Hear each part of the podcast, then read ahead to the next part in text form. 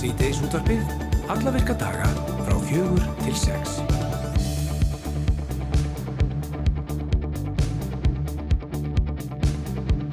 Og það er Andri Freyr Viðarsson og Hrafnildur Haldarsdóttir sem ætla að vera með ykkur til klukkan 6.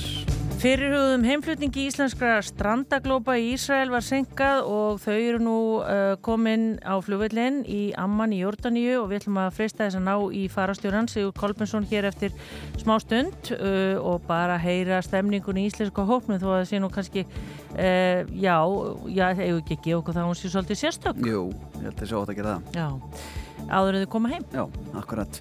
Eh, Þingvellir eru náttúru undur á heimsvísu og eh, já, staðurinn, hann er eitt svo allra vinsalistegar að kemur á heimsvöndum ferðamanna til landsins og þetta sjálfsögðu vitum við allt saman og margir veltaði fyrir sér hvort að uppbygging á staðnum sé takt við þann fjölda sem þángan kemur því að nýjastu tölur segja 1,2 miljónir manns með slatti.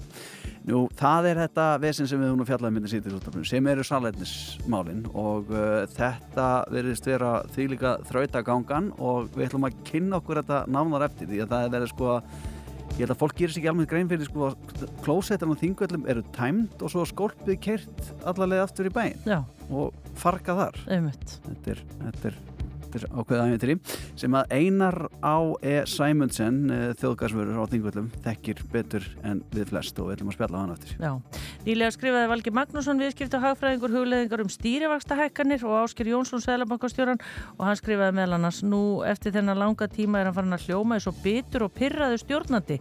Og það er yfirlt merkjum að hann sé orðin þreyttur á verkefnu bitur og þreyttur stjórnandi fær enga með sér og er bara fyrir en er Valgi með lausni við hugsalugum vanda og hafa viðbröðin verið einhver frá Sælabankastjórunum sjálfum? Við viljum að komast að því hér á eftir. Mm -hmm. Svo er það þrýr velunahefar í matræstukefnum kokkaskóla í Suður Evrópu þeir heimsóttu vinslustöðun í Vestmannegjum nýverið til þess að kynna sér vinslu á saltfisk. Og þetta eru kokkar sem að koma frá Spáni, Portugal og Ítali og er það ekki rétt hjá mér randur að saltfiskur er í áveðum höður þar? Bakalá Þarna, og Björgvin Þór Björgvinsson frá Íslandsstofu, hann leti hópin og hann ætlar að segja ykkur nánar frá tilgang þessar heimsóknar og hvað þessum Já, söður Európabúum fannst nú um saltfiskin okkar í Vestmanni. Já, einmitt það. En við ætlum að byrja á, ef ekki segja frétt fréttana, því að eins og kunnugt er þá uh, gerðu Hamas-samtökinn ofsafengna eldflöga árás á Ísrael á lögadagsmorgun og tölur eru nú kannski svolítið á reiki og maðurinn sem sestur hérna hjá okkur veit meirum það en uh, það berast nýjar frettir af þessu, já, ég ekki að segja stríði, bara í rauninni á hverju mínútu og hingaði komin Bjarni Pétur Jónsson, frettamæður sem er búin að fylgjast með í allan dag og væntalega um helgin alla, velkomin. Takk, takk.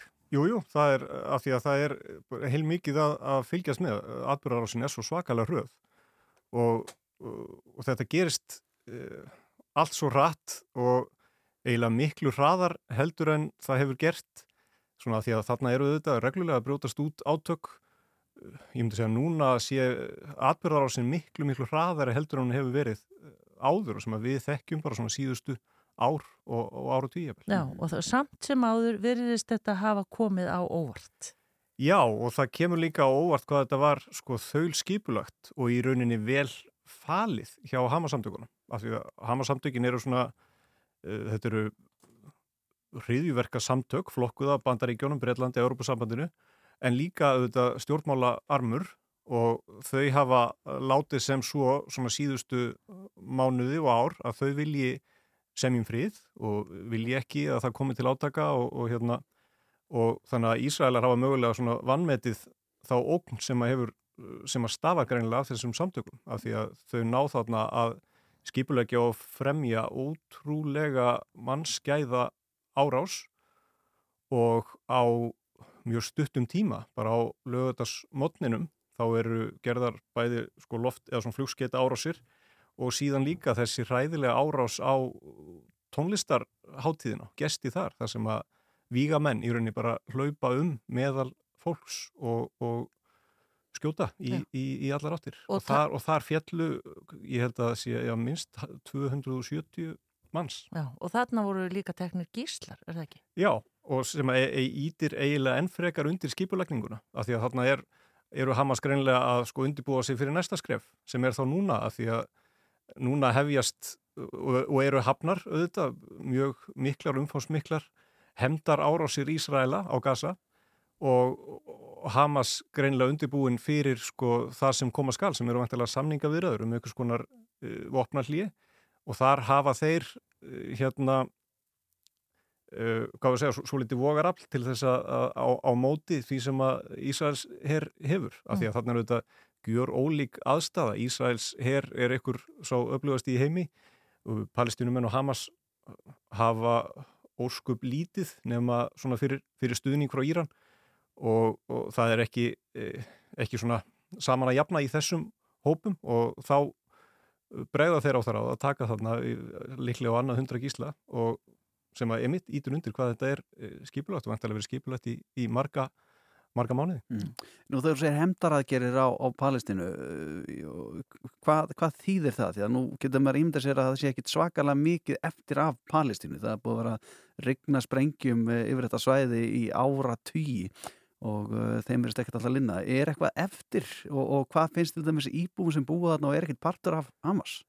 Þetta eru sko Palesturmenn líti á sig sem hernund á þjóð og þar hefur náttúrulega óréttlætið verið mjög mikið í þeirra garð og þess vegna er svo, ég hvað hefur að segja, sárt fyrir palestínumenn að Hamas skuli grípa til þessar aðgerða að því að endanum bitnar þetta auðvitað á almennum borgurum, palestínumenn og, og það hefur verið regla, ég þú svona kannski óskrifu regla hjá Ísraels hér lengi að sko að fælingarmáttur hernaðar aðgerðana er svo mikilvægur. Ef að þeir drepa einn Ísraela að þá, þá drepu við fimm palestínumenn.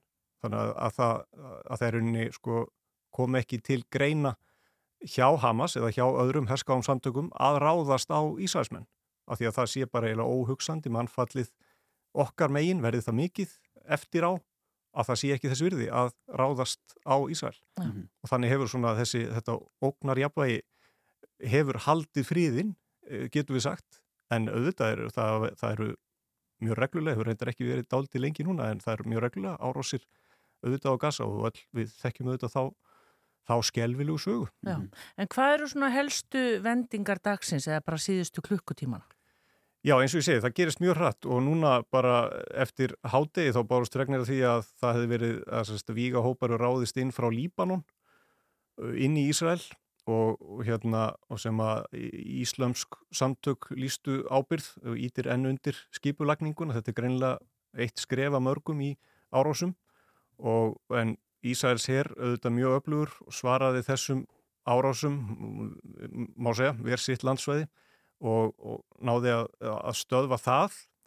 En í, í rauninni sko framhaldið, þú mútt að sjá hvernig þetta þróast, þetta var alltaf eftir að halda áfram að stigmagnast, hvernig sem það verður. Og það eru flestir sem að rússar voru að vara við því í morgun að það væri mjög líklegt að þriðji aðili myndi bætast inn í þessi átök.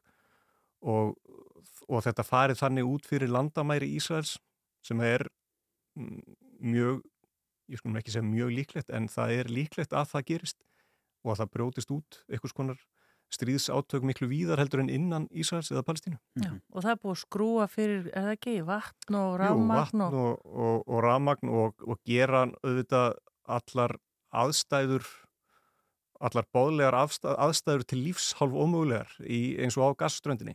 Um, af því að þar auðvitað halda til liðsmenn Hamas og Ísraelar hafa gert þar mjög harðar árásir í dag til þess að, að hérna að eh, drepa liðsmenn Hamas eða stöðva þá í skiplækningu og það auðvitað bytnar að því að Gaza er, þetta er ekki stórt svæði og þetta er alls ekki, alls ekki strjálbílt og, og þannig að allar sprengju árásir bytna þar auðvitað mjög harkalega á almennum borgurum. Já, heldur þú að, að þessi gísla taka svona koma einhver leiti í veg fyrir það blóðbað sem þetta gæti hús lórið? Vonandi.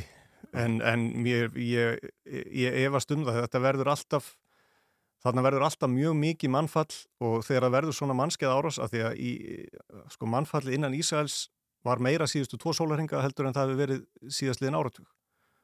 Og, og það á eftir að verða jafn mikið eða meira hinum einn og, og þá getum við ímyndið okkur, þá erum við að tala um uh, mörg hundruð eða, eða þúsundir mannslífa það er langt líklegast að þetta endi í einhvers konar svoleiðis átökum og, og, og ein, einmitt eins og ég sé sem hefur eftir að stíðmagnast mm. næstu dag. Já, og Evrópusambandi hefur gefið frá sér eitthvað yfirlýsingar, það ekki? Já, Evrópusambandi dróð tilbaka neyðaraðstóð, fristi neyðaraðstóð upp á, upp á mörg hundruð miljónir evra og það er mjög líklegt að fleiri gerir slíktið sama því að þetta hefur svona verið, hvað getur sagt, frekar almennur stuðningur við palestinumenn innan alþjóðasamfélagsins. En það er óskup eðlilegt að það sé beði með þann stuðning eða hann jafnvel endurskoðaður þegar að eh, sjálfstæði sparátt af palestínumanna er orðin þetta blóðug. Að þá hugsi menn með sér eh, við getum ekki staðið því að, að styrkja baráttu sem er háð á þennan hátt. Mm -hmm. Þið eru með, er það ekki bara eh, fréttamann í þessu sem eh, bara hérna, fylgist með bara rauninni mínútu eh, til mínútu? Jú, fréttamann og fréttamenn því að Já. það er að næga að taka og hérna, verðum á, á vaktinni eitthvað áfram, þetta er auðvitað stærsta máli hjá okkur núna og verður já, í dag og morgun og, og, og ábygglega næstu daga. Já, Bjarni Pétur Jónsson, takk fyrir komuna í Síðdeis útvarpið. Takk, takk. Síðdeis útvarpið, málefni líðandi stundar frá fjögur til sex á Rástöðu.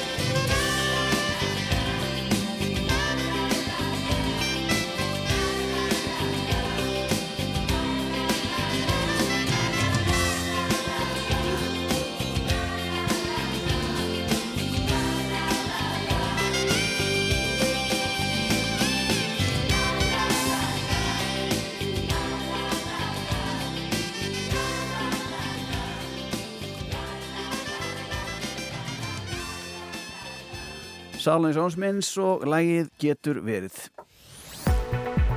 Veðurhorfur næsta sólaringin. Já, já, Raldur. Þú spenntur? Já, þjóðin er eiginlega bara stólaður, sko. Já, þetta er nefnilega sko, það ringdi ansi vel hérna á Suðvestur hodninu Já, og fólk var nú byggðum að ganga eða sérst passa niður full tæki á mótu þessu öllu saman guðrat.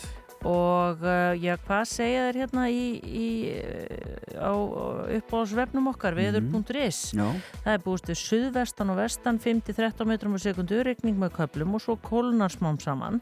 Gengur í norðvestan og norðan 15-23 í nóttu og morgun regning eða slitta um landið norðanvert en snjó koma á heiðum og sumstaða verður talsverðið að mikil úrkoma. Yfirleitt úrkomi lítið sunnan heiða og hiti 1-7 stig. Þannig að það er þú veist, auðvitað það rignir í og það er hérna detta niður hittatölunar þá breytist rigningin í snjó já, já. þannig Já. að nú þarf að fara nú, nú koma þessa Já, já, já, já, já. Þetta er svona, og hvað er, er ekki með eitthvað svona ítalega rættuarsendur eitthvað svona, eitthvað vesinn? Nei, það, það er hægt á skriðum og setna snjóflóðum hérna, segir Já. að vísu á norðan, vestan og sunnaverður landinu Já, og appi sínu gul viðvörun vegna viðurs á norðurlandi eistra og ströndum uh, og norðurlandi vestra og svo er hérna í gangi gul viðvörun á höfuborgarsvæðinu það er bara svona. Já, já, Já, hérna hér, eh, það er spurning hvernig veðri var hérna árið 1943 þegar að eh, fyrsta leðublakan fannst á Íslandi og það var á Kóli í Mýrdal. já, Þetta kveikindi sko liði í tíu dagar. Sko. ok Já, Hvað var hún að gera hér? hún er bara vilstinga eitthvað neginn, bara eins og hinnar. Þarna hefur hún ekki komið í ferratösku Nei, væntanlega ekki. Getur það hefur ekki getað það Með skipi kannski. Já, alveg möguleiki Já. Já. Maður veit það ekki. Nei, Nei, maður veit það ekki. Kannski með einhverjum húsgóknum. Geta hvar verið. segir hún hafi fundist? Í eh, Kvóli, á Kvóli, í Mýrdal. Já, já, já, já. Já. Svo nú gaman að segja frá því að það er sangvöldlega hátíð í bandaríkjanum í dag Já, og uh, eflaust uh, búið að skreita flestar af stærstu borgum bandaríkjana Mm. með íslenska fánanum já. því að í dag er dagur Leifs Eiríkssonar efna. Heldur þú að sé verið að halda upp á Já, Aha. þetta er búið að vera hátíðlegu dagur síðan uh, 1965 Já, og uh, þetta er, ég með það ólíklegt að þessi ekki frí á flestum stöðum í dag og hérna krakkarnir í þjóðbúningnum íslenska, já, já, er bara stemning sko. Já, stemning. Já, já, og uh, svo Hvað það kaka allir þið fyrir valinu þá? ú, Pönnukökur já, já, en íslenska. Já, og íslensku kleinunar, eða ekki? Jú. Svo er nú gaman að segja frá því að samtökin Geðhjálp, þau voru stopnið á Íslandi á þessum degi á 1979 og svo var það sjómasáttaröðin sjálfstætt fólk sem há göngu sín á stöð 2 á þessum degi ára 2001 mm. mikið var nú hort á það Já, á, frábær þáttur Já, virkilega góður. Já, Og svo var það strákarnir okkar í knassbytunni sem að treyður sér í fyrsta sinn sæti á HM knassbytun með 2-0 sigri á Kosovo já í Lögadal. Mhm. Það var ekkert lítið stemning kringu það. Nei, það var allt, allt vittlist, já, já, já Já. Herði, við ætlum að fara að ringja til útlanda. Já, við ætlum að freista þess að ná í farastjóra íslenska hópsins sem að er semst á leiðinni til Íslands. Mhm.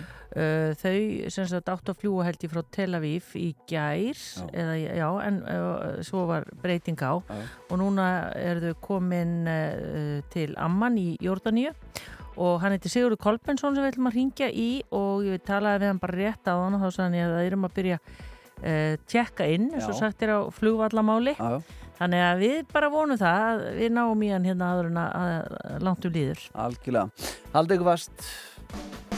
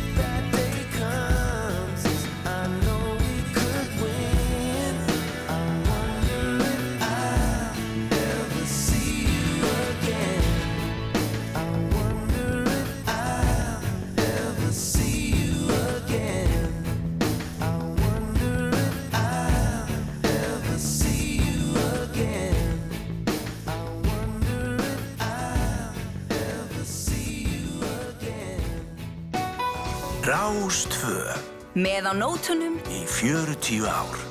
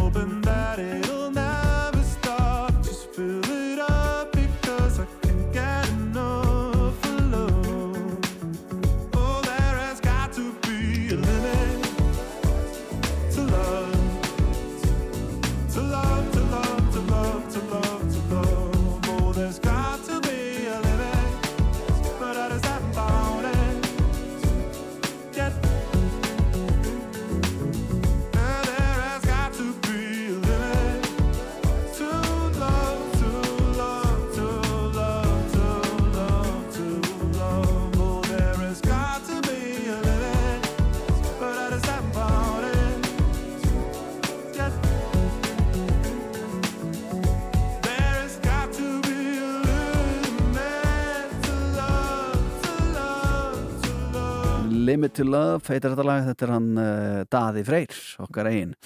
Hraldur Já. um, Eggjasmjör. Eggja smjör Eggja smjör, á ég að segja hva, hvað það er? Í, Við vorum að borða þetta bæði hérna, tókst eftir þessu, mötum Já, einmitt, við vorum- að borða- þetta aður?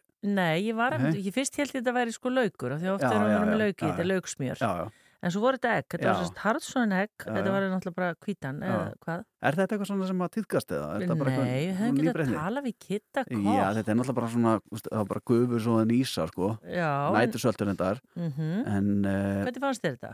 Mér fannst þetta, ég horfði mitt lengi ofan í bottin og hugsaði mér, ok, svakalega að setja lauk í, Já, En svo var þetta bara egg sko. Svo kíkti ég nefnilega á, á hérna matseðlinn þá sé þetta stóð sko eggja smjör já, sem að fekk mig til að muna það að e, maður í, í síðustu viku þegar við vorum að tala um kóttisúsu Já. Og af allri þeirri vittlisu sem hefur komið hérna út um hann í, í þessum þætti hérna síðustu þá hef ég bara sennilega aldrei fengið jafn hörðu viðbröð við því og fólk er bara að keppast við að leiðrétta hérna það er bara, bara búið til bara, bara fleiri hópana bara á, á öllum landsváttum hérna til þess að pressa á mig að ég var að tala um sko að ég hefði tekið eitthvað kóktisósu Já. uh, kóktisósu með mér úr flugvél sko eða sjoppið eitthvað, ég man Já, ekki sjoppu. sjoppu, og lasa á innhaldsýnsingunum það var eggjarauða og þá fór ég að hræra eggjarauðu með majónesinu já og, uh, og sem að ekki, ég menna majónis er bara ekki Já, það er einmitt það sem fólk er að segja mér sko. ég vissi það náttúrulega alveg skilur Já, þannig að þið getið aðeins laka þannig að það var þá vissi alveg- tvisasunum ekki að rauða Já, já, Já. bara svona, þetta er bara, keto, svo, Mhm. bara meira að sko. Ég veit bara að fólk viti það, ég er búin að sjá, taka eftir þessu, ég er búin að átta með á mistakunum, uh, þetta verður ekki gert aftur. Nei. En uh, við ætlum að fara að opna heimsmetabók Guinness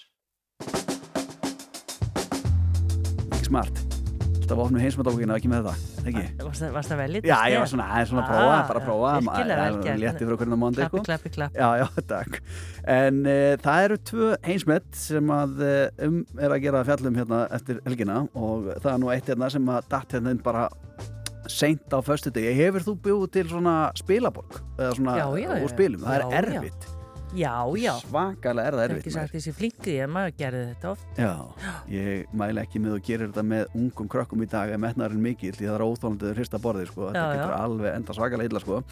en þú hefur væntalega tekist að búa til kannski tvekja eða hús tryggja, Mm. eru að vera þykka?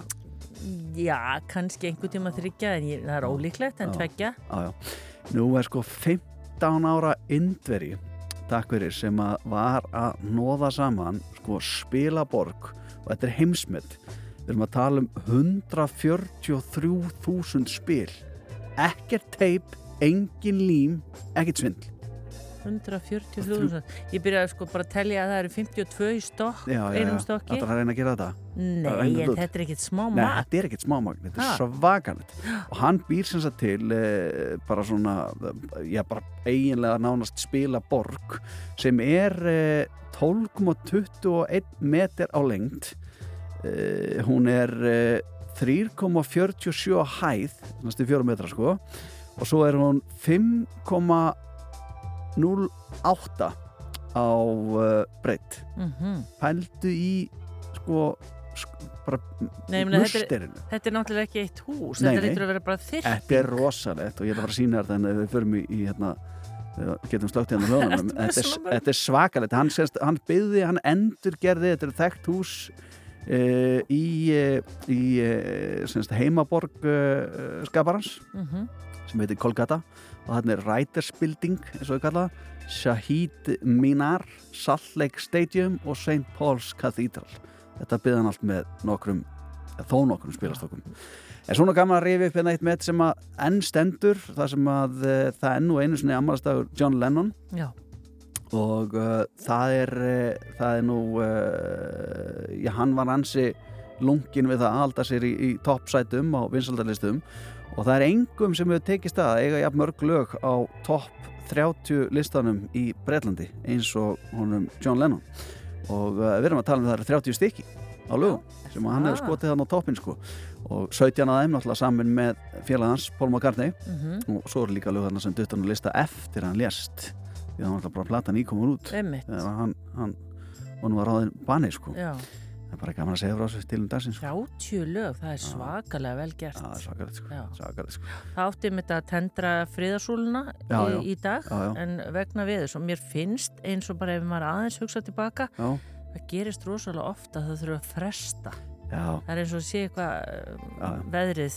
Menn vel ekki fæn ekki það einsinn Nei, nei, getur bara ekkert að svoleiðis, þessu sko. gert Nei, nei, Herðan, við erum að býða eftir að ná uh, sambandi við mann sem heitir Sigurður Kolbensson og Já. hann er farastjóri þessa íslenska hóp sem er semst á leið frá Ísrael. mm Þau eru að tjekka inn í Jordani og flugvillinum og uh, já, við bara ringjum í hann eftir eitt lag eða svo. Já, við vonum, vonum það. Að hann geti tekið síman og, og við höfum fulltrú þessu. Rástvö Já, eins og við, við nefndu við ykkur þá ætlum við að freista þess að ná í farastjóra íslenska hópsins sem að er á leið heim frá, uh, já, núna Amman í Jordaníu og eru, að- voru bara að tekka inn og eru að því núna og Sigurður Kolbensson er á línu. Kontur sætla blessaður. Sæl og blessu Hrafnildur, gaman að heyri þér. Hvað segiru? Hvernig er, er hérna staðan á hópnum? Já, það er nú bara svona, eh, tjekkin er svona innvitunin er langlegin að komin. Ég stend hérna og er að passa upp á, upp á mína hjörð og svo er annar hópar hér á eftir og greinlega reyna að vera að fylla þessa vel. Þetta við gengi ákveðlega vel í dag. Eh, Við gerðum mjög eh, þrælskipulagt plan sem var háð að, ákveðin keðja myndi ganga upp. aðalega í formi fluttnings til landamæra Jórdaníu, fara í gegnum landamæra Jórdaníu og, og keira frá landamæra Jórdaníu til Amman flugvallar. Og svo síðast en ekki síst að fá þessa frábæri þóttu eftir okkur sem að sáðanlítið e, ákvaða að senda eftir okkur.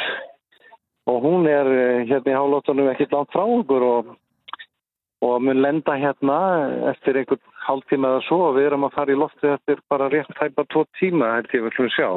Já, það er eiginlega bara akkurat eftir tvo tíma. Já. Klokkan 18.20 þá erum við að fara í loftið. En, en sko, útskýrið fyrir okkur okkur þurftu þið að skiplöki þennan flutning. Gáttu þið ekki verið bara með farangurinn í rútunni eða þurftu að einhvern veginn að sæta lægi þar eða hvað? Nei, eh, sko, rútur frá Ísrael þá ekki að fara yfir til Jórdaníu. Jórdaníu er náttúrulega arabískt land og þar gilda allt hennu lög og reglur. Ég kann ekki skýringar á því að hver ekki. En uh, þetta fer þannig fram þegar að hópar, ferðamannahópar fara yfir landamærin að þá yfirgefa þær uh, rúturnar frá Ísrael uh, fara fyrst í gegnum tjekk í, á landamærum Ísrael og svo kemur svona eiginlega einskinsmannsland þetta á milli og þá taka Jórdaníu menn við þessu tilfelli og og það fyrir fram með ákveðum hætti og þá koma aðra rútur og sækja okkur. Þannig við þurfum bara einfallega að það tók svona einn, einn og halvan tíma að fyrir allan hennar stóra hóp að fara í gegnum þetta og telja að það gengi ákala hrætt og vel fyrir sig, mjög vel skipilagt. Og hvernig er risið á, á farþegum? Það er allir að taka gleðið sína en við höfum nú lítið borðað í dag. Það er búið að vera eða non-stop uh, rútuferð síðan sko Já, við fórum að stað hálf 12 okkar tíma nú klukkan kortir í átta, þannig að þið sjáum það, við erum búin að vera ansið lengi á ferðinni, en það er bara allir svo gladir að vera að fara heim, sko. Frátt fyrir náttúrulega, það, það er svona þá ömulegu staðrind að þessi frábæra ferð sem að Kolumbus var búin að skipulegja. Fyrir þennan hóp eins og hóp sem var í síðustu vik og réttslapp heim, að, að hún er náttúrulega ónýtt sem slík, en, en það er ekkit meira virð heldur en að komast í, í, í öröka höfn í staðan fyrir að vera í stríðsjáðu landi þar sem að maður veit ekkert hvernig hlutinir gerast eða hvernig þið þróast mjög óþægileg tilfinning. En við vorum alltaf alveg óhullt á frábæru hóteli og af nóga mat og drikk og það vantaði ekki. Allir leið vel en, en margir eiga þetta er það stór hópur því að þetta er 85 manns og ég var að segja að aðstandandi sér svona 3400 þetta er aldrei stór hópur. Og sjálfur á ég dætur og barnabötn og allt mitt fólk er mjög umhugað um að fá fóröldar sína heima aftur. Þannig að ég er búin að upplega það eigin raun. Já. Þannig að þetta virkar í báðar áttir. Einmitt, en segur þetta er vantarlega bara einhver reynsla sem að, já, náttúrulega Óskar engum að lendi og þið, en, en Nei, ég meina þessu, þessu gleymiði vantarlega aldrei. Nei, sko, ég hef nú sem reyndu ferðarþjónustæðileg lendi í krísu stöðu en ekki í stríðum. Og það geta bilað flugvelar og það geta verið feldniðu flug og maður lendir í alls konar svona æfingum en, en að bara, eh, sko, allt í henni hef ég stríð í því landi sem maður er með þar til gerðum háað og óþægendum, það, ég vona, ég vona að ég lendi aldrei í því aftur. Það myndi engin óska því að vera í þeim aðstæð sem við vorum, sko. Og við verðum ekki hægt við, tekka fram. Já. Svo eru fleiri hann um borði í vélinni en, en hópurinn þinn, er ekki Já. Já. með líka? Sko, borgaraþjónustan uh, á við með auðarikisráðandi sem búin að standa sig frábæra vel í að skipulegja allt saman og, og þökk sér líka auðarikisráður að vera að tekið ákvörðan að senda þessa vél á vegum ríkisins, þetta er ókipis flug í bóði íslenska ríkisins. Og þeir eh, greinilega bjóða vilja vera góður við okkar nánustu frændur eins og færiðinga og það er hérna fimmanna svona tvö pör og einn einstaklingur á færiðum og þeir hingdu í morgun sem megum við fá að koma á hótelið ykkar að fá að vera samfell og ég segi ekkert sjálfsagara og utan hópsins okkar eru líka eru tvö íslensk pör, þannig að það eru fjóri, við bættum við alls fimm, eh, nýju farþegum, þannig að við fórum upp í töluna 94 sem vorum í tveimur útum í dag. Svo er hérna á eftir okkar hóp er annar hópur sem ég kannast nú ekki við sem var í Ísrael og er landflotta eins og við. Veit ekki hvaða hópur það er og sjálfsagt hefur borgarþjónustan líka bóðið einhvernum fleiri farþegum. Þeir eru að senda hennar stóra 757 þótt á 300 gerðinni, það eru örugglega 226 sæta ef ég þekki það rétt og ég ger á fyrir að hún sé vel pökkuð sko. Það er mikið stemning, það er komið skilti hérna að við erum að fljúa til Rómar á eftir vegna þess að áhörnum sem flög vélinn og er ennþá á fljúinni hún má ekki fljúa lengi, hún flýgur til Rómar og þá fara þeir í kvildflugmennir og, og, og flugþjónarnir og, og aðri taka við. Við okkur senkar aðeins á leiðinni, en það skiptir einhver máli. Nei, við segjum bara góða ferð Sigur Kolbensson og bestu kveðu til ykkar allra. Takk fyrir, takk fyrir, Bless, við bless. fyrir góða kveður heim. Já, Góða bless, bless. Já. Vá, þetta lítur að vera skrítið. Já, hérna er, já, Ha? alveg, já, þetta, Þetta er maður hefur kannski séð þetta svona í bíómyndum. Já, já. Fólk er sest inn í flugul og bara akkurat, á akkurat. stað. Já, fólk í þeim.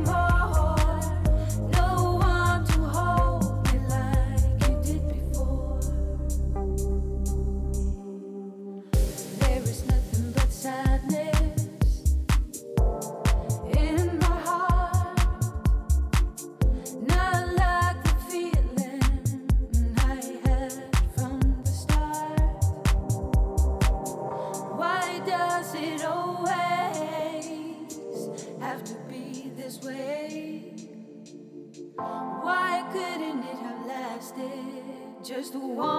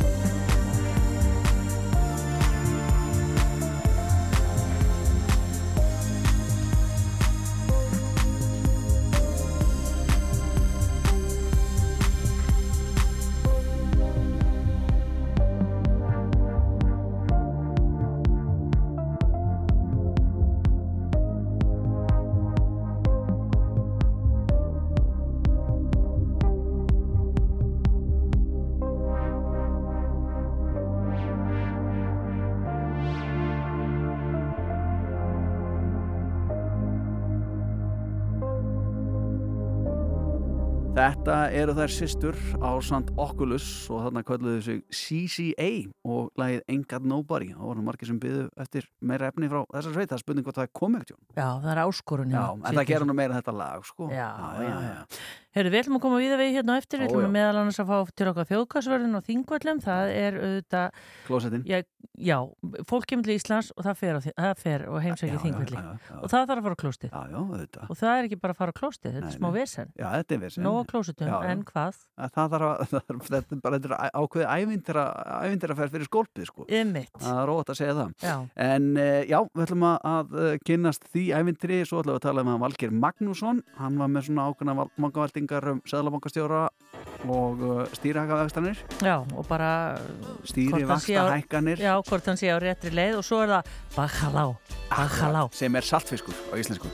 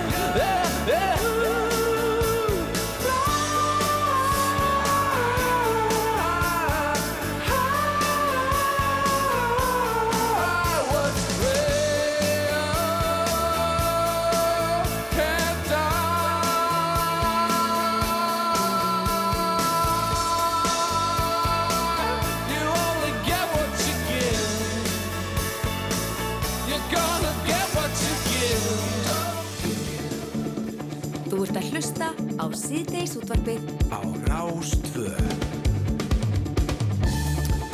Við ætlum að, við ætlum að tala um þingvelli næstu mínúturnar og það þarf auðvitað ekkert að uh, segja fólki það. Þetta er auðvitað náttúru undur Jú, jú. á heimsvísu og svo allra vinsalasti staður á Íslandi. Það er að segja þegar ferðarmann komið til Íslands þá er eiginlega nánast Þú skylda. verður, þú Ver- verður. Já, já. En það hefur margi velti fyrir sig hvort að uppbyggingin á staðnum sé í takt við þann fjölda sem að þanga kemur og samkvæmt nýjustu tölum að þá er 1,2 miljónir manna sem koma þarna uh, á ári og uh, það hefur verið svona aðeins umræða núna, við sáum meðlans grein í mokkanum í dag um salernismálin og þegar við sáum það, Andri, að það þarf að keira allt sem að uh, tæmtir úr salernunum á stað, staðnum til Reykjavíkur og tæmaðu hér í höfuborginni, þá eiginlega fórum við að klóra okkur í hausnum. Já, þetta er skrítið. Já. Og það, í öllu þessu umtalum kóluninsporið allt þetta. Ummitt og það kostar allt peninga. En hingaði komin Einar á E. Simonsen sem er þjóðgásvörður á þingvöldum. Velkomin. Já, takk fyrir að bjóða mér. Ég get svarið að við bara trúðum ekki okkar einu þegar við lásum þessa grein. Nei, það er vonandi hrökkvið kút. Þetta er í raun og veru bara svona hliðar afurða því að taka á móti svona mörgum ferðamönnum á kannski svæði sem er viðkvamast gagvart, já, já, viðkvamasta vatnasviði landsins. Og í raun og veru má segja þetta sé svolítið að springa út á svona síðustu kannski, já, þessu ári og, og árin í fyrra, þá er þetta svolítið að springa út. Og ástæðan er kannski svo að við uh, sko notum COVID-tíman til þess að bæta við salernum og, og það er nú leið lengi í loftinu að framfærir í ferðarþjónustu í Íslandi ákvarðast að fjölda salerna og við höfum oft þarna, lengi framann að það lágum undir svona smá hallari að, að, að ámæli að við værum ekki með nómörg salerni og, og við ákvaðum að gera þetta svona, já við getum satt á síðustu 10-12 árum en sérstaklega núna á síðustu fjórum árum þegar við bættum í Hvað eru núna mörg salerni? Við erum með, já hvað, ég er alltaf að reyna að tella þetta saman, ég held sem við næstum 50 salerni í kringum þingstæðin forna. Við erum með 20, og- já við erum með já, um 40-45 salerni í rekstri á hverjum degi og það tekur alveg til sín.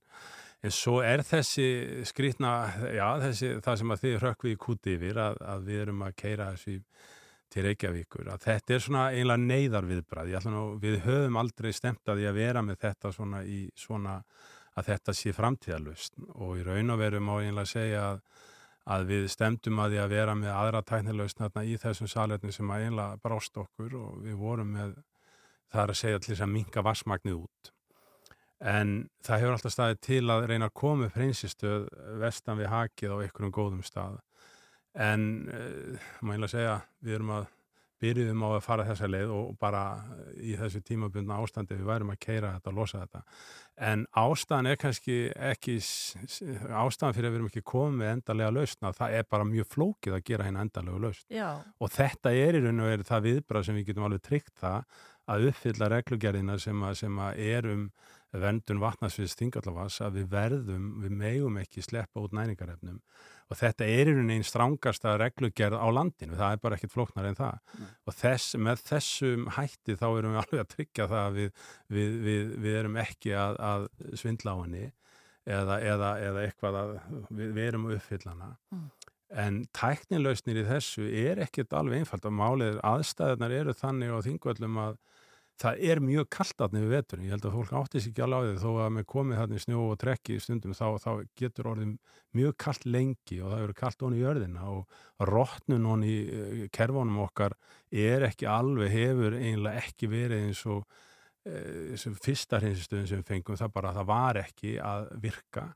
Og svo er náttúrulega þessi rosalegi púls og það af ferðamönnum sem að kemur bara yfir árið, yfir, yfir mánuðin, yfir daginn að þetta eru því líka tölur eins og í sumar erum við að taka móti 6 til 8.000 manns á dag sem að nánast í flestir fara á salernið og þetta kemur í miklum púlsum og við vera það sem að fólk skilur eftir sig er ekkit mikil í töngunum. Þannig að, að þetta, er, þetta er mjög tæknilega flókið en Og þessi líka bara tæma það, því að það er einhvern veginn bara, ég meina, er ekki alltaf fólk að það? Þú, Jú, það er svo sem alveg, við erum alveg komin í alveg kerfi með það og, og það er svo sem menn bara laðast þarna og kemur þarna bílinn og, og tæmir þetta og laðist í burt með þetta. Hvað, er, hvað eru bílarnir að fara með mikið hérna í bæinn svona á viku? Þe- Já, ég myndi, það hafa verið núna í suma bara nánast í, þegar mest var um að vera núna í júli ágúst, þá var alveg bíl á ferðinni nánast í, ég, ég man ekki hvort var daglega eða annarkvæð dag í það minnsta, þannig að Hleypur á tónum? Já, þetta eru, þetta er mjög mikið að líturum, ég, Já. þetta eru, þetta eru mjög margar ferðir. En þú segir að sko það sé flókið að finna lausn, en ég menna eru stjórnvöld og þetta, okkur þykir öllum svo vænt um þingvelli, ég menna það lítur að vera hérna kapsmál að hugsa um þetta. Jú, það er eiginlega það sem við erum að gera. Við, við, við sko, í raun og veru fyrir sex árum eða fimm árum, þá gerðum við svona frumatugun á frávitumálum til framtíðar á þingvöllum. Og það var ágættis eh, sko bara verkfræði úttækt sem við fengum þá, en þá var kostnaðurum bara fyrir sex árum bara við svona ákveðna sviðsmyndi, það voru dregnar upp einhverjar fjórar sviðsmyndir og svo tvær lausnir við endan á þessum, já, hvernig við ættum að gera þetta. Og það voru kostnaðatölur þá upp á 100 til 500 miljónir og í raun og veru sko, svo bara gera slutinni svolítið rætt að við erum bara að breyðast við þjónustu og við vitum það að fyrir neðan almanækja og sérstaklega þar sem að fólk klárar göngutúrin og fer upp í rúturnar við það sem að heita kastalar eða oft kalla hjá okkur þingplanið eða þar sem að þar eru tólf salerni eða tíu núna. Og svo við þar sem að valhöld stóð þar lögum við inn fimm salernum og á þessum stöðum er eiginlega ekki þetta að vera með almöru hreinsistöð, vegna að þú ert eiginlega ofan í grunnvatni með, þú ert eiginlega komin ofan í þingvallavatn með saptankana þannig að þeir, þegar við vorum að setja á niður þá voru þeir eiginlega, ég ætla ekki að segja að vera á floti, kannski ekki alveg en, en það er það mikið lekt þarna og mikið vatn á ferðinni rétt undir yfirborði eh, lands að það er eiginlega ekkert að sleppa, það, það þarf eitthvað mjög sérstakar heimsund til þess að komið út. Og þegar þú ert að tala um að taka upp allt næringarefni þá er það bara mjög flókið mál. En við sjáum alveg að við eigum að við erum að skoða þetta alvarlega upp á haki þar fyrir vestan, en á, í millitíðinni er þetta lausnin að keira þessi bara, bara til ekki ekkur, það er bara þannig Já. og meina það hvað margir við höfum svo sem þetta er bara verið eitthvað sem hefur verið gert núna undanfærin hérna misseri og, og í töluguna ykkar, 5-6 ár að við erum búin að vera að keira Mm. af við, við þurfum að fara með þetta út fyrir vatnarsvið þingvallavas, það er ekki nóg bara að keira þessu upp úr sigdældinni eða eitthvað aðeins úr auksín, þetta þarf að fara út fyrir vatnarsviði Já. og það þýðir að þú þarf að fara alveg vestur á Mósseiði eða austur á Lingdalseiði aust, austur eh, fyrir vatnaskilin þar og það er eitt kosturinn sem við erum að skoða til dæmis núna, hvort að við erum að fara í samstarf ríkið og sveitafélagið og að hérna mögulega koma upp hefðbundnari laust austan við vatnaskilin þar sem við gætum hérna mögulega uh, kannski ekki þurft að kosta jafn miklu til í dýri hreinsistuð, það væri bara svona hefðbundnari laust, en þá þyrfti alltaf að keira því að já.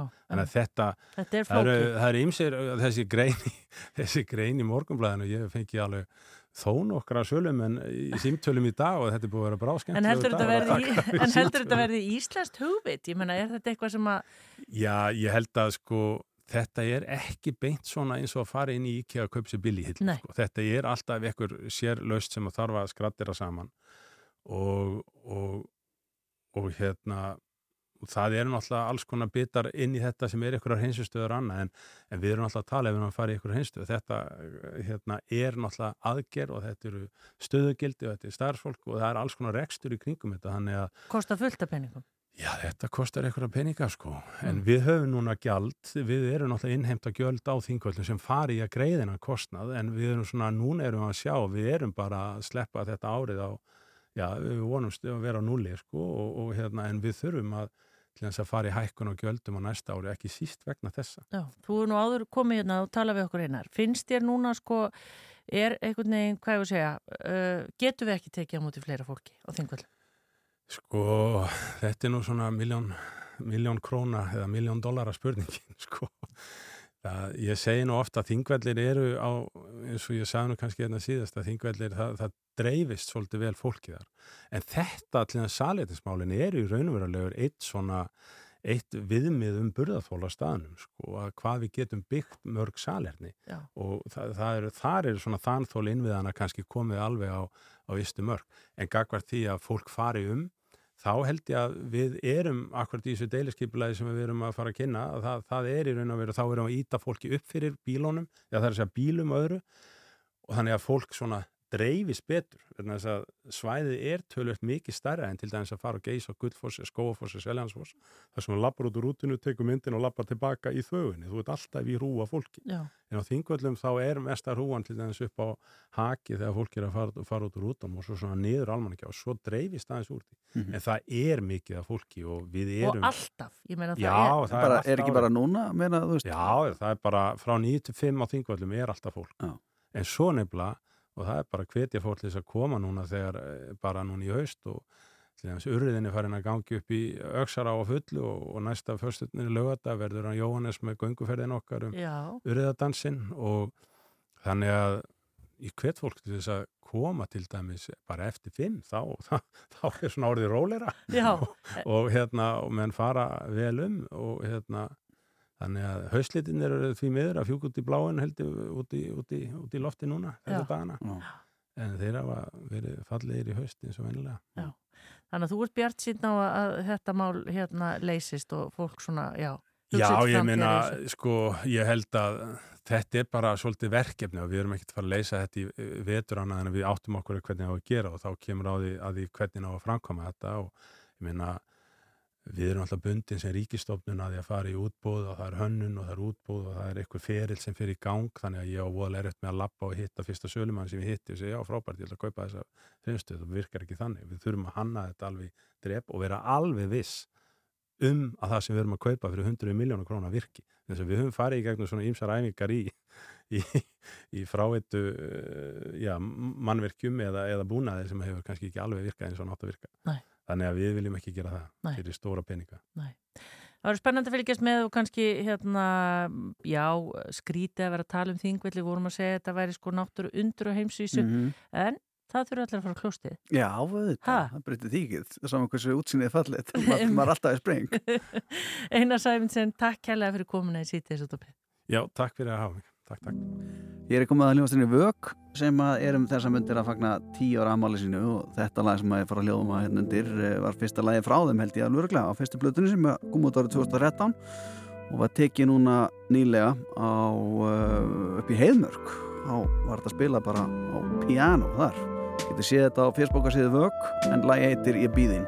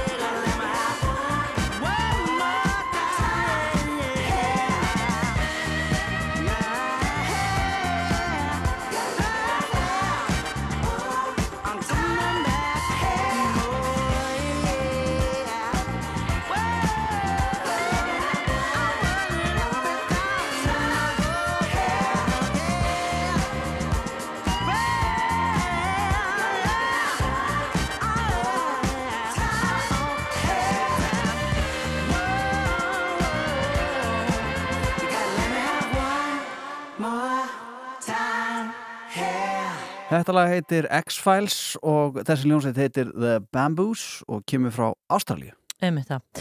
Valgi Magnússon, viðskipta og hagfræðingur, hann skrifaði uh, nýlega pistil um stýrivaksta hækkanir sem eru alltaf svona vikulega, er með, allir beðið með öndin Já, í hálsunum hvernig Já, þetta verður og yfirleitt er það alltaf hækkun. Já. Það var ekki núna síðast, þá var það bara, uh, hérna, Sem var ákveðin skellur. Já, það var ákveðin skellur. Þannig að þeir sem að greina þetta voru búin að búast við að það myndi hækka. En Valgir segir hérna í þessum pisli sínum að það gangi ekki upp að Ásker Jónsson Sælabankastjóri sé pyrraður yfir ástæðendur og hann þurfa að breyta um takt til að fá salin með sér. Og við erum svo heppin að vera að koma með Valgir á línuna. Hvað er sæl að blessaður? Já, sæl, sæl. Já, það er náttúrulega kannski erfitt að vera áskerðun sem hann er bara að segja einhver, einhverjar fréttir af hérna hækkunum, þetta er kannski ekki endilega hans persóna sem að skýn þetta fram eh, eða hvað, hvað áttu við þannig? Hann er alltaf búin að vera rosa skýr allan tíman um að þetta sé samvinnu verkefni að ná niður verðbólkunni Já, og, og, og hann er líka búin að vera skýrum og hann finnst að vera einn í því og sem að er nú svolítið mikið rétt hjá honum sko. En svo með hverju, hverju vikun og hverju mánuðinum sem hann, hann tjáir sig sem að líður þá, þá verðist hann alltaf verða pínu pyrraður og pyrraðari. Hann, hann er farin að meðsúti sér svona óeppilega setningar eins og ef að dæmis eins og ef að uh, hérna, samningar fara illa. Þetta eru svona gildislanar setningar sem búa bara til sko það að, að fólk verður pyrrað á honum á móti og ef hann er svona pyrraði kallinn þá er einhvern veginn næræningum með sér. Þannig að hann, hann þyrfti nú kannski að fara að hugsa þess bara hvernig hvernig hann orðar hlutina til að, til að ná fólki með sér í verkefni. Þannig að það skiptir svo miklu máli að, að fólk sko sé saman í þessu verkefni og fari ekki skotkrafi að nógum þær í, í samfélaginu samt Þegar þú segir svona að vera saman, fá fólk með sér og salin og allt þetta og við erum náttúrulega að hugsa hérna bara um íslensku þjóðuna eins og hún leggur sig eh, þá dettur mér í hug einn náungi hérna sem að náði einhvern veginn, að þú bara leður eftir valgir ef að ég er harfum vitlisu, þú ert sérfræðingur í þessu ekki hér sko. Eh, maður hérna sem náði salnum heldur betur með sér eh, Víðir Reynisson, manstu?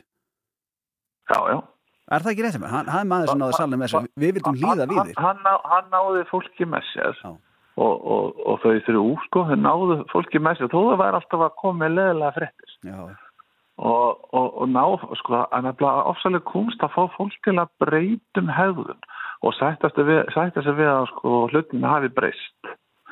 Og, og ef maður er að gera það með einhverjum pyrringi þá bara mistekst það. Og, og þeir sem hafa einhvern tíðan verið að stjórna og hafi ekki lendið því. Ég hef alveg lendið því að vera pyrraði kallin að það finnst fólk ekki vera alveg að fara með mér í það sem ég er að gera. Og ef ég er pyrraði kallin þá kemur ekki með mér. Og þá, þá bara gerast ekki neitt. Nei. þannig að maður verður einhvern veginn að sko sita á sér þó að maður sé pyrraður þó að fólk sé ekki átt að segja á sér þá maður bara reyna eitthvað nýtt reyna að segja það á annan hátt eða, en, en hérna en ekki segja það með eitthvað svona skætingi og, og, og þá hérna á, þá enda maður bara einn og það er fyrir okkur öll sko, þannig að þess að áskýr virðist þér opáslega klár maður en hérna, við höfum bara gefnum að hafa hann pyrraða Nei. En finnst þér eins og hann hafi breyst? Finnst þér eins og þetta hafi gerst svona núna með hverjum fundinum einhvern veginn? Já, svona frá því að hann byrjaði að þurfa að hækka endalist, sko. Þá náttúrulega hefur, hefur að karðurinn hans hefur, breyst. Þannig að hann er greinilega svolítið glettinn og hann, hann er örgulega, ég sem sé grunninn skemmtilegu maður. Og, og, og svo bara, maður getur verið pyrraðar á kaffistofunni, maður getur það bara ekki sko, sjónvarpinu endalist, sko. já, já. Hefur, sko, að því að hann er nú klárn á ekki en Ásker Jónsson, uh, sælamónstjóri hérna, hefur hann sett sér í sambandi þig og sagt, herri, vali minn, nú, hérna, þú kannt þetta og tölum sá hann Nei, ekki að þá, en það hérna, en, en ég er alltaf að til að aðstofa ef hann vil. Já, já. Ef særu fyrir þér á næsta fundi kæman og segi Halló, halló, vitið hvaða fréttir ég er með? það væri allavega eitthvað nýtt. Já, og það, á að hækka. Annað heldur en, já. Ha, Eða, eða að segja, halló, halló, nú verður ekki hækka, Já, eða já, nú já. verður lækka. Já. En sama hvað það er, bara, hérna, ég mælum samt ekki endilega með þessari aðferð, en, en að sko, að, það er nefnilega, það er einlega, það það er eitt að segja fólki að, hérna, að það þurfi að, að sína rádelt og, og, og það þurfi að passa sig í, í næstu kjærasamningum og svona. En að, hérna, en að sko kenna launþugum um verðbólguna og kenna fólki sem fyrir rólandaferðir um verðbólguna, þá ertu komin sko persónulega á þá sem að bara verðartaki með þér. já, hann byrjaði einmitt svolítið kannski á því þegar hann fór að skjóta hann á tásumyndirna frá tenni. Það skuli voru Já, það var, það var pínu fyndið, en það var líka ofsa pyrrandi hjá þeim sem voru búin að þessi safna sér fyrir því sko í eitt, tvö ár sko að fara í sólandaferðinu sína. Já, ég hitt hann um Þannig að- daginn í leifstöð. Það er bara kent að verðbólguna. Já, ég sá hann einmitt um daginn í leifstöð og ég gæti ekki betur síðan að fengi morð augnar að frá fólki. Hann skildi voga sér að vera að Já. ferðast. Já, Já, já, og það er hérna, það er líka óþægilt að, að sko vera setja sig á pínu háan hest og segja hvernig hlutin er að vera, maður getur svo ekki farið eftir því sjálfur, þá er maður búin að koma sér svolítið vandræði. Jú, jú, jú. Talandi um ferðalög, Valgeir Magnússon, uh, þú ert stattur í Nóri, er það ekki? Jú. Og hvað er, hvað er vallegir í Nóri? Valir í Noregi að það er eitthvað. Já, Við eigum hérna stofu sem að er að skipta um nafn akkurat í dag. Já. Vaskir. Já. Hún er, hún, hún er að fá nafni SDG TBVFA. Það er nú svo uppróf. Mm. SDG. Já, já. já. Akkurat, ákveð heila límið þessu. Uh, Og hvað, ertu, ertu hérna bara í ákveðin tíma eða er þetta, ertu alfluttur eða hvað? Uh, ég ákvaða að setja með svona tvö ár ég er að koma þessu þannig stað ég þurfti ekki að vera hér alla daga tvö ár og, og hérna, þau eru að klárast núna í, í nóvember og ég var að framlengja um eitt yfir på þetta það er svolítið margt, margt sem að er á, á döfunu við erum búin að stakka sem ekki hér í Noregi. Já. Og hvernig eru normenn? Normenn eru aðeins rólegir en við. Hérna, eru aðeins skipulegar en við. Þannig var það og uh, já, að vera skipulegari en þetta er svolítið góðu koktel svona sko, íslensk geðsíki með norsku skipulegi það er hérna það er gæti komið svo eitthvað skemmtilegt út af því sko. Já. Já. Spennandi. Við sem bara gangið vel og nú bara sjáum við hvort það verði breyting Já. á hjá Áskýri Sælabankastjóra á fimmtudagi. Getur ekki Þetta nái hans eirum. Já. Nú slökkum við til næst þegar hann kemur og, og segir okkur eitthvað. Já. Halló, halló, halló. Bara eðlan í opnin, það er ekkert, flóknara.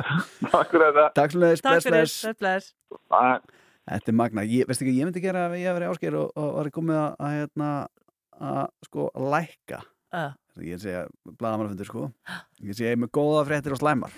Og fólk, ó, hvað? Hvort vil ég góðar eða slæmar? Hvað myndi þú segja? Uh, slæmar. Slæmar, og það myndi segja, já, ég glemdi nú að fara í nærbúksunar í morgun, það eru slæmar fréttinar, en góða fréttinar það er að nú lækkuði stýrivextina.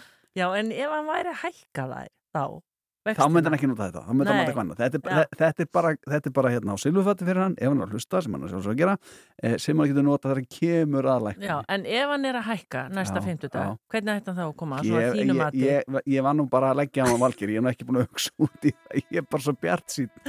Já, við erum spennt. Já, Vá, við- ég ætla að horfa á þetta í beinni Ég, ég, ég ætla að fara til, á til. Noregs og horfa á þetta með valgir,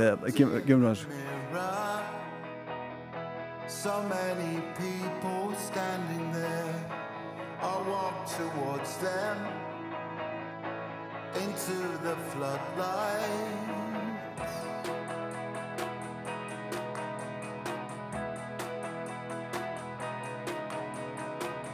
I heard no echo. There was distortion everywhere. I felt my ego. I felt Roberto standing there.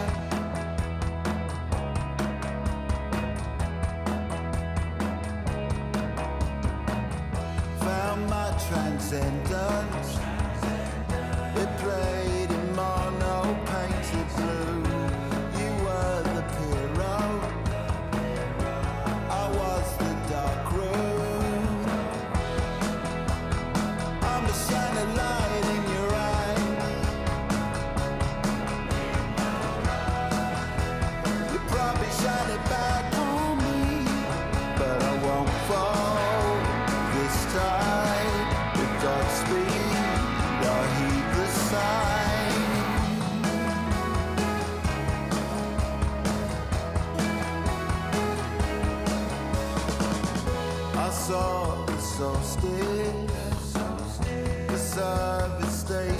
station on the road. I took the acid under the white horses. My heart it quicker. I could not tear myself away.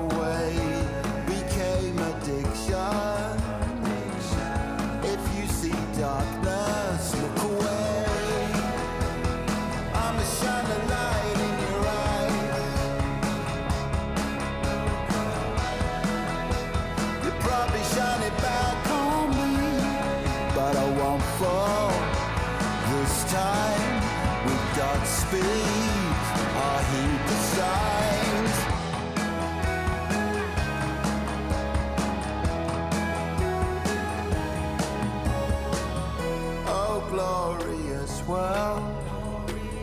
Oh, potent wave, valleys gone wild. Connect us to love and keep us peaceful for a while. I'm a shining light in your eye. You probably shine it back on me, but I won't fall this time be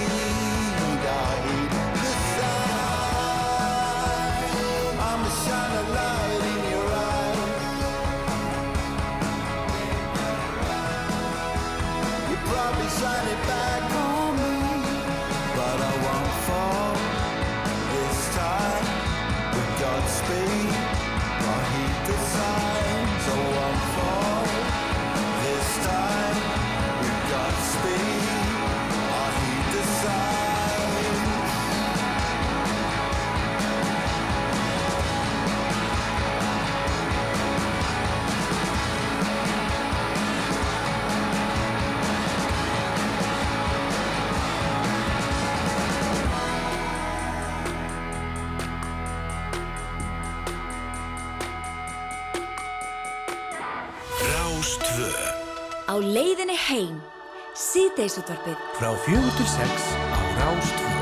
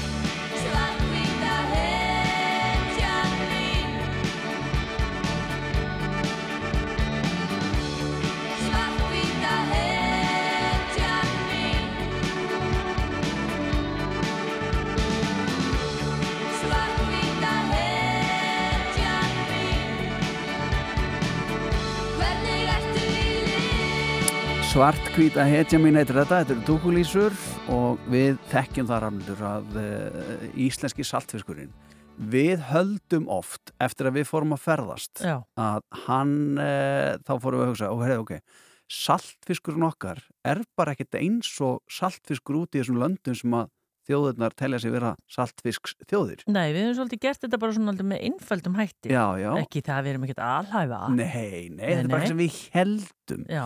og við hefum átt haldið sko að saltfiskurinn í, í heitari Európa-löndunum eins og Spáni, Portugal og Ítalju sé eitthvað flottari en okkar hérna heima.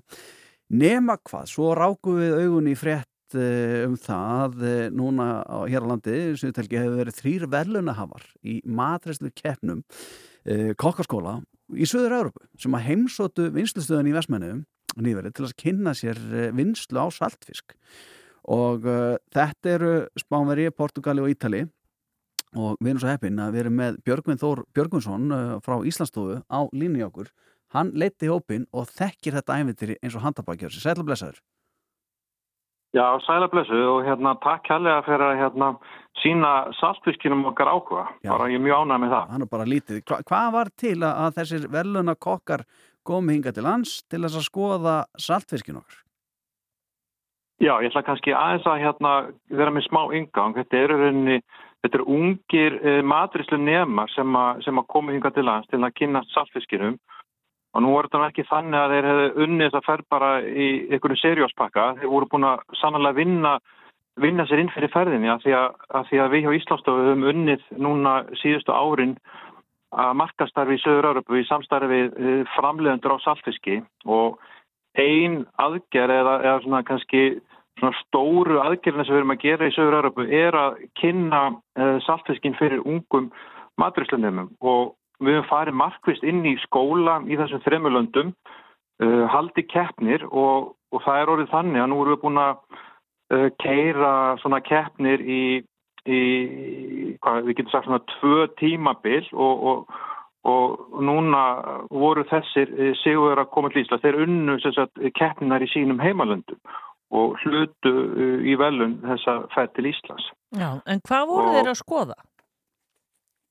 Já, það sem þeir voru að skoða og það var ekki bara þeir voru að skoða hérna, eða skiptum þessu kannski í, í tvent, eh, sagt, eh, þeirra ferð að hérna, við þurftum líka að, hérna, að- pína, pína krakkana, þetta var ekki bara lúksusferð af því að þau þurftu að hérna, þegar þeir sigurverðin í þetta skipti voru þetta allt ungi drengir og í fyrra voru það hérna tvær stúlkur eitt drengur.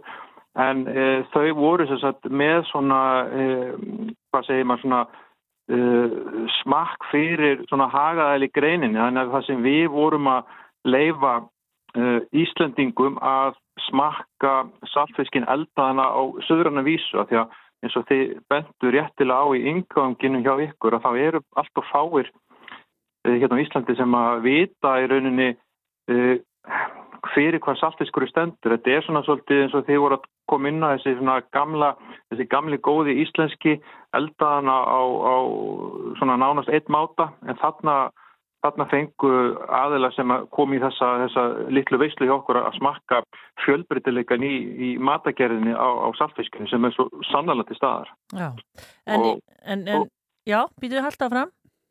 Já, ég, ég get alveg talað um hvað er þáttur í langur, sko, það er bara það. Er bara það. En Við sleppum bara þessa, já, varandi þessa ferð sem þeir unnu sér, að þá náttúrulega eins og segja, þá voru þau fyrst uh, með svona hérna, smakk fyrir hagæla og svo fórum við með þau uh, til Vestmanni, þar sem að þau er unni fá að fara inn í, inn í flotta vinslu, þar sem þeir sjá í rauninni hvar uh, afurðin verður til og, og hvernig þetta fer allt fram og, og, og það er svo gaman að segja líka frá því að því að maður spyr sér alltaf kemur þetta til með að skila ykkur er þetta, er þetta, er þetta til, til einhvers að standa í þessu? Að því að svo er svo gaman að, að allavega einn af þessum þremur uh, ungu, ungu drengjum að ég nefndi svona við hana hérna og hvað ert þú nú að starfa á Ítalíu og ert þú eitthvað að sísla með saltfist þá er það bara þannig að þetta samstarf okkar hefur kveikt áhuga á honum og nú er hann útskrifaður og, og hann, hann ætlar að hérna hafa hafa álfur íslenska saltfisk á sínu veitingast og þetta er, þetta er 19 ára strákur og, og, og hann er þess að taka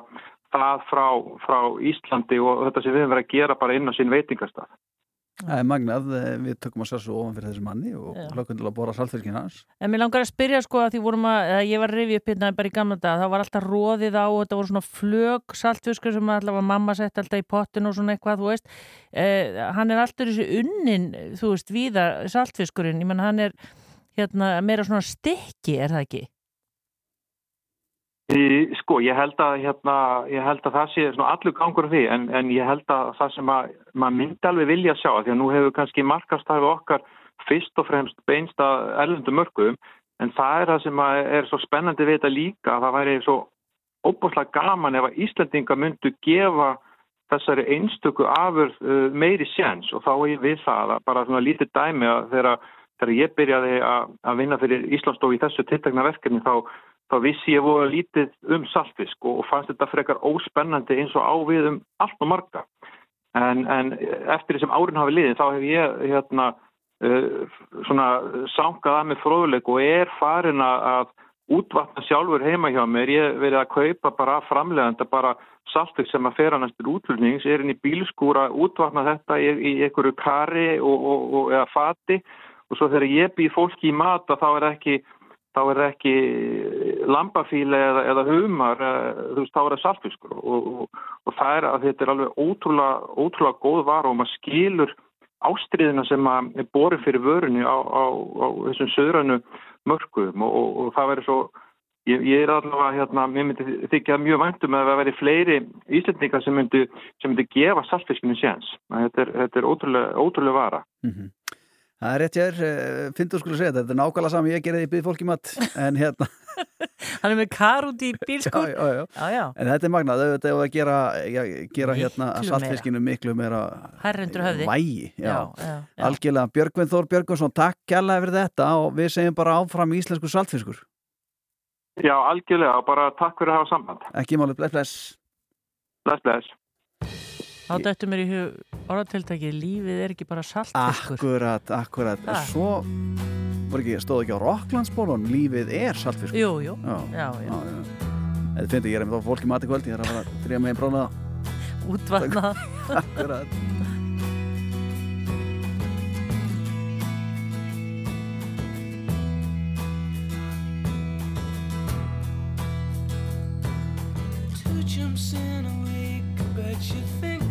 Pretty clever, don't you, boy? Flying on your motorcycle, watching all the ground beneath you drop. You kill yourself